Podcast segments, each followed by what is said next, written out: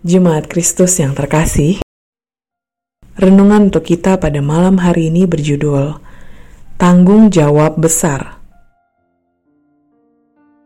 Dan bacaan firman Tuhan diambil dari kitab Yeremia pasal 23 ayatnya yang ke-11 sampai dengan ke-15. Beginilah firman Tuhan. Sungguh, baik nabi maupun imam berlaku fasik. Di rumahku pun juga aku mendapati kejahatan mereka. Demikianlah firman Tuhan. Sebab itu jalan mereka akan seperti jalan-jalan yang licin bagi mereka. Di dalam gelap mereka akan tersandung dan akan jatuh di sana.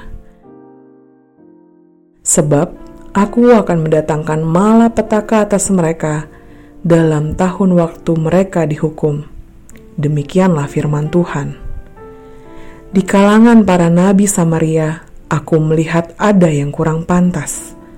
Mereka bernubuat demi Baal dan menyesatkan umatku Israel.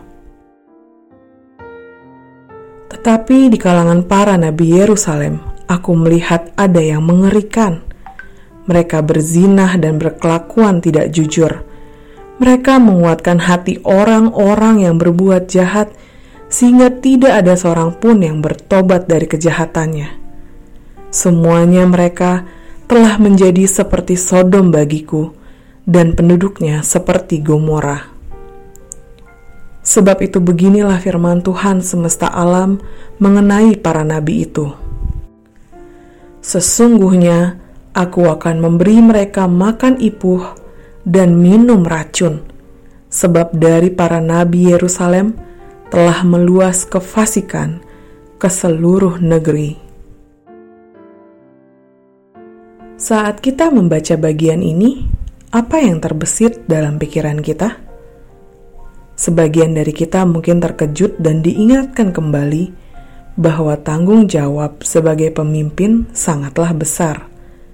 Dampaknya tidak hanya pada diri sendiri, namun juga kepada komunitas kita melihat bahwa dalam kisah ini ditunjukkan para imam yang seharusnya menuntun bangsa Israel justru malah melakukan dosa dan gagal menjalankan perannya sebagai pemimpin.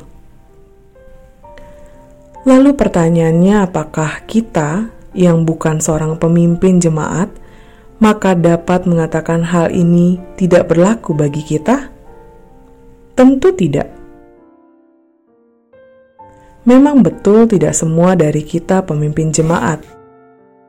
Namun kita juga menjadi pemimpin untuk keluarga kita, untuk komunitas-komunitas di mana kita aktif, serta jangan lupa bahwa kita pun juga pemimpin bagi diri kita sendiri.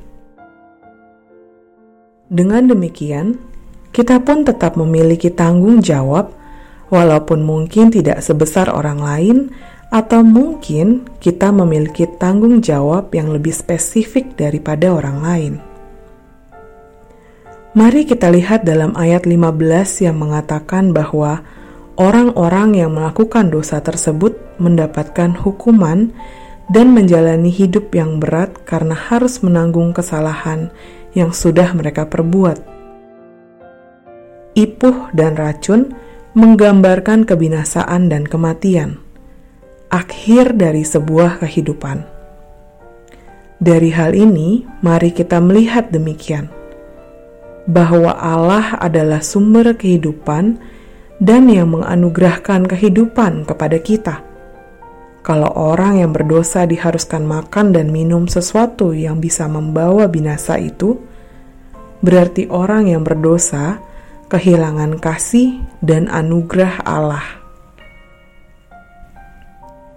Bukankah itu hal yang berat untuk ditanggung? Lalu, kenapa kita harus terus mempertahankan tindakan yang tidak bertanggung jawab seperti itu? Demikianlah renungan pada malam hari ini. Semoga damai sejahtera dari Tuhan Yesus Kristus tetap memenuhi hati dan pikiran kita. Amin. Jemaat yang terkasih, Mari kita bersatu hati, menaikkan pokok-pokok doa yang ada dalam gerakan doa 21 GKI Sarwa Indah. Mari kita berdoa.